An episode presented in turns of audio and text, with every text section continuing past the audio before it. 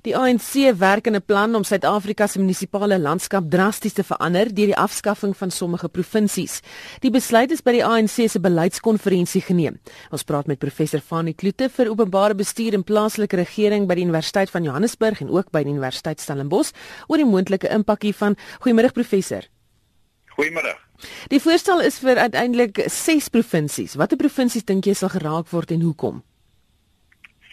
Uh voor ons by daai punt kom, moet ek net verduidelik dat daar vier kriteria is wat 'n mens uh, normaalweg kan aanlê vir hierdie soort van grensveranderings.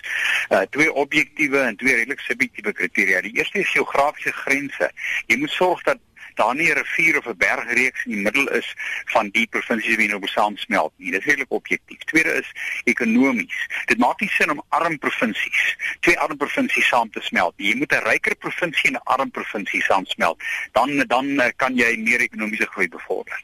Die ander twee subjektiewe kriteria is kultureel. Jy moet daarom sorg dat die die taal en kultuur van die twee gebiede redelik ooreenkom en nie heeltemal antagonisties is nie. En die die, die laaste een is direk politiek en die regering sal sal moet, moet waarskynlik probeer die ANC om sy politieke meerderheid te versterk deur twee provinsies saam te gooi. Nou dit alles gesê, beteken dit dat ehm um, dat polities byvoorbeeld sal sal die ANC baie graag die Oos-Kaap en die Wes-Kaap bymekaar wil gooi. In die Oos-Kaap is baie arm, baie probleme, die Wes-Kaap is uh, relatief ryk, uh goeie bestuur uh en uh Xhosa sprekende mense is in beide provinsies te kry. Uh, so die ANC het dit graag wil doen want hulle hulle sal op daai manier wil probeer om die DA uit te gooi uit die, die nuwe provinsie uit en self te regeer. Uh maar daai politieke set sal dalk nie werk nie want die DA sal moet toestemming gee in die Kaapse parlement vir so 'n grensverandering en hulle sal natuurlik doen nie want dit is politieke selfmoord. Uh, so dit dit uh, kan nie gebeur meen ek nie in praktyk nie. Die ander uh, probleem wat die ANC moet aanspreek is Noordwes. Noordwes is seker die swakste provinsie by die stadium in terme van swak bestuur en en ehm um, gebrek aan kapasiteit. Daarteen is Gauteng wat langs hom lê.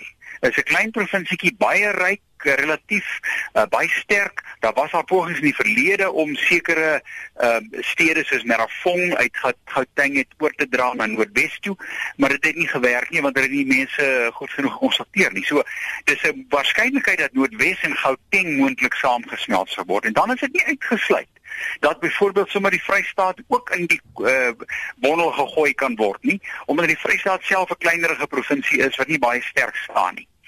Uh die ander moontlikheid is natuurlik dat Limpopo en Mpumalanga saamgesmelt kan word. Uh hulle het baie belange tussen hulle. Uh en beide van hulle is nie finansiëel baie sterk nie, maar Gauteng kan dalk ook miskien se grense bietjie verander word om vir hulle bietjie meer ekonomiese voordele te gee. Uh, ek twyfel of KwaZulu-Natal wel in die prentjie sal kom, want KwaZulu-Natal sou met Mpumalanga kan kan saamgegooi word, maar dan gaan die die die die die die Zulu meerderheid in KwaZulu-Natal 'n uh, bietjie verswak word en ek weet nie of die huidige ANC standpunt dit sal akkompeer nie. Ek wil net vir jou vra skel hier dalk politieke beweegredes agter die ANC se besluit? Baie duidelik. Baie duidelik politieke beweegredes sowel as waarskynlik ekonomiese beweegredes.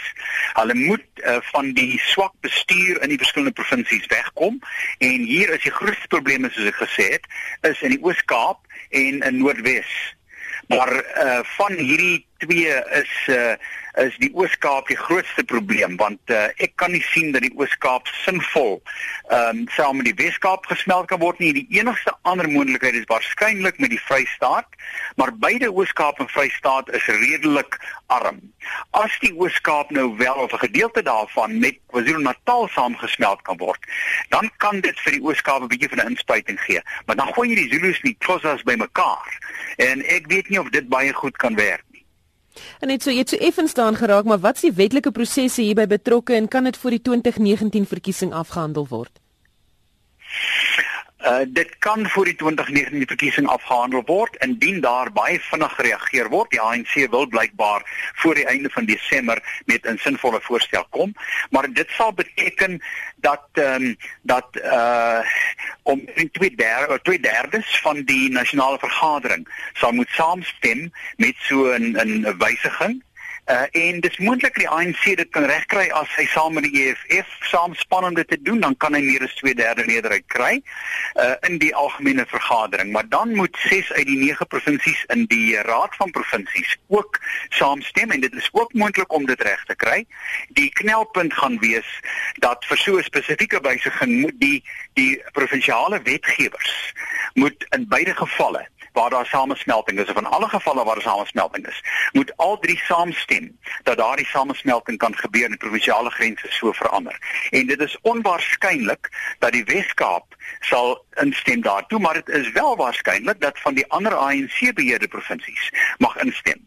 So enige provinsiale wysiging wat nie die Wes-Kaap raak nie, sal waarskynlik uitvoerbaar wees en haalbaar wees indien uh, dit uh, die voorstelle aanvaar word deur die uh, verskillende konsultasieprosesse uh voor uh, nie voor Desember noodwendig nou nie maar voor die verkiesing plaasvind.